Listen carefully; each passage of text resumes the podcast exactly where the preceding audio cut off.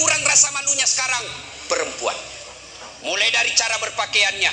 Kata Nabi, suatu waktu nanti perempuan berpakaian tapi telanjang dan mereka menyukainya. Berpakaian tapi telanjang dan anehnya mereka suka. Mana disebut berpakaian tapi telanjang? Lihatlah sekarang.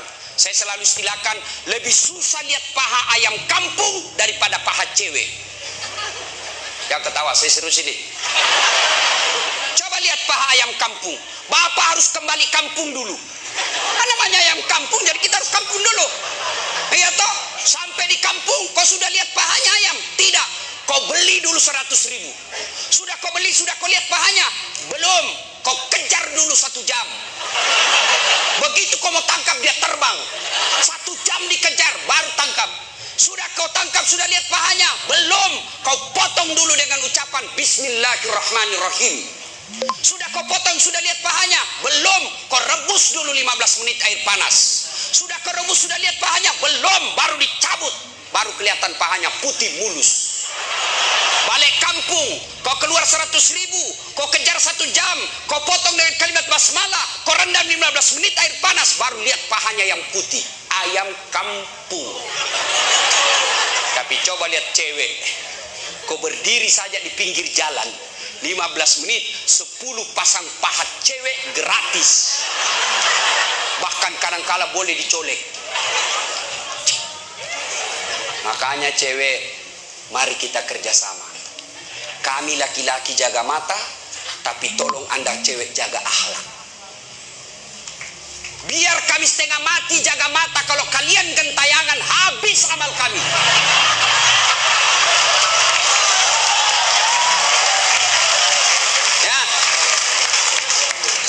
Kalau mau pergi mengajar di kampus, saya ngaji dulu beberapa ayat, sholat duha dulu dua rakaat, baru satu kilometer saya naik mobil hancur amalku.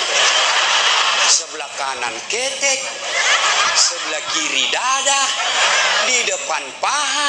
Tidak mungkinlah saya jalan terus begini. Dia listrik tabrak. Alah. cewek, woi, mari kasihani mata kami. Dilihat. Haram? Tidak dilihat. Barang bagus.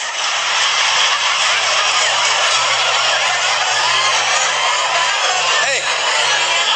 Oke. Sekarang banyak perempuan kurang rasa malunya. Dulu, dulu, dulu. Kalau ada perempuan hamil di luar nikah dibuang dari kampungnya. Keluar kau menyebarkan aib. Itu dulu. Dulu perempuan meskipun belum pakai jilbab, tapi dia jaga harga dirinya. Saya zaman SMA kan belum ada jilbab. Kawan saya kalau jatuh ballpointnya, hmm, kan tidak pakai jilbab. Ah, dia pegang dulu ini, lalu dipegang roknya di bawah, baru dia dongkok begini. Dulu, dulu. Sekarang cewek dia sengaja memang itu pakai tipis kecil, jalan dia mau tabrak kita.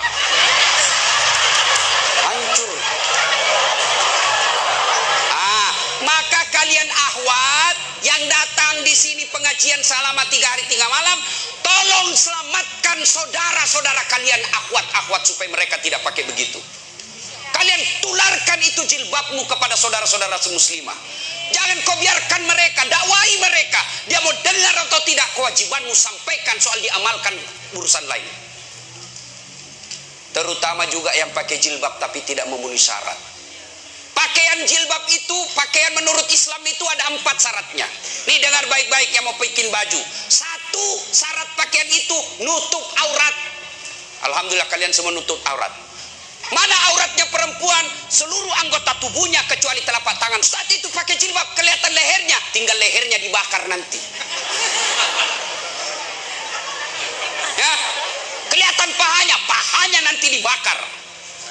Kalau cewek masih enak dilihat. Ini ada juga orang tua. Sudah mau ada cucunya. Eh pakaiannya saya tanya, Bu, kenapa pakai begitu? Ibu sudah tua. Dia bilang, ini baru ada dulu waktu saya gadis. Tidak ada begini Ustaz. Ini namanya bagus dikasih ibu, kasih STNK. Tahu STNK? Sudah tua, nakal kembali. Kasih itu STNK itu buru-buru gitu. Laki-laki mana auratnya? Se pusat sampai lutut. Artinya adik-adik, kalian yang sudah mengaku diri hijrah, silahkan main futsal, silahkan main bola, silahkan olahraga, silahkan olahraga, tapi tolong jangan kelihatan pahamu. Pahamu adalah dosa ketika kau kelihatan. Kau suruh saudara putrimu jilbab, kalian main bola kelihatan paha, dosa. Ah, tidak ada nafsu lihat pahaku. Siapa bilang? Siapa tahu ada janda-janda tua sudah lama tidak lihat paha.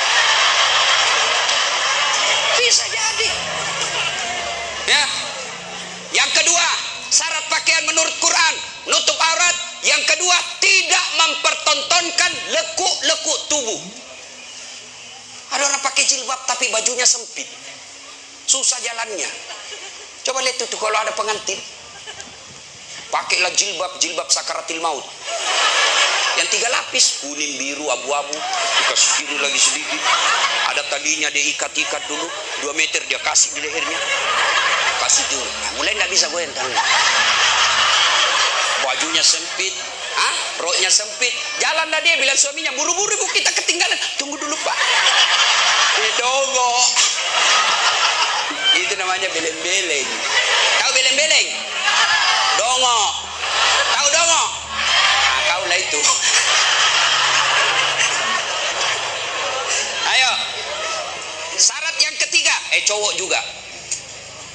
Pikir kalau kau cowok berpakaian ketat-ketat tidak berdosa?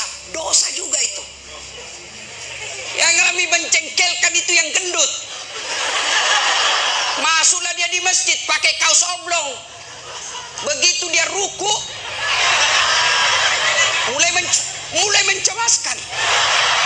Sujud, eh ada celengan.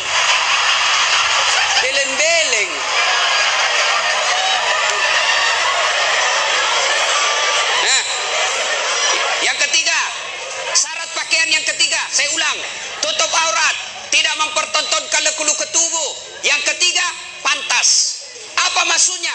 Kalau saya alumni man eh, apalagi Muslim United, saya alumninya tiga hari tiga malam saya dengar dakwah, maka sebaiknya pantas tidak saya berpakaian begini. Saya pengurus remaja masjid, pantas tidak saya berpakaian begini. Saya Muslim terhormat, pantas tidak berpakaian begini. Saya pejabat, pantas tidak saya berpakaian begini. Saya Muslimah, pantas tidak berpakaian begini. Tanya kepantasannya. Itulah sebabnya agama Islam mengajarkan ketika aku berpakaian tanya yuk pantas tidak pakaian begitu? Dan ini pakaian ternyata menyelamatkan kita dari dosa. Mana buktinya? Saya. Ke mana-mana saya pakai begini. Cuma kadang-kala dia gosip saya itu pegawai bank. Kan saya mana-mana pakai sarung. Saya masuk nabung ada pegawai apa sih itu yang namanya terima-terima duit teler Hah? iya teler itu dia gosip. Dia kan apa? Salah masuk. Dia kira masjid. Dia kira saya masuk masjid saya pakai sarung. Saya dengarlah saya kenapa? Saya pakai sarung koin sibuk tidak jadi saya nabung pulang saya. Eh, orang kalau pakai muslim begini baju koko gamis insya Allah terpelihara dari dosa. Saya jalan tiba-tiba di mall banyak cewek cantik tidak mungkin saya lihat kenapa? Saya malu masa Ustadz lihat cewek cantik? Terpaksa dilihat ya lihat sedikit aja. Eh sudah. Ayo bu ibu ibu ibu mau ndak suamimu terhindar dari tempat-tempat maksiat? Keluar suruh pakai peci pakai songkok pakai gamis. Ndak mungkin dia pakai begini pergi main biliar Hah? maka suruh pakai itu ada di Makassar saya sudah suruh pakai Ustaz. Tapi di mobil dia ganti. Ah memang sudah tabiatnya itu sudah bajingan. Ya yang keempat syarat pakaian yang keempat adalah indah. Ternyata Allah tidak meninggalkan keindahan. Allah tidak melarang kita keindahan dalam berpakaian tapi dengan catatan tertib aturannya. Satu tutup auratmu. Dua jangan ketontonkan lekuknya. Tiga pantas. Empat indah. Ini sistematis tidak boleh ditukar. Sayang seribu sayang kita bikin pakaian indah nomor satu nutup aurat 19 akhirnya pakaian kita seperti yang kita lihat sekarang ini. Yang di atas turun ke bawah. Yang di bawah naik ke atas. Ketemu di tengah. Tipis sempit kecil. Dongo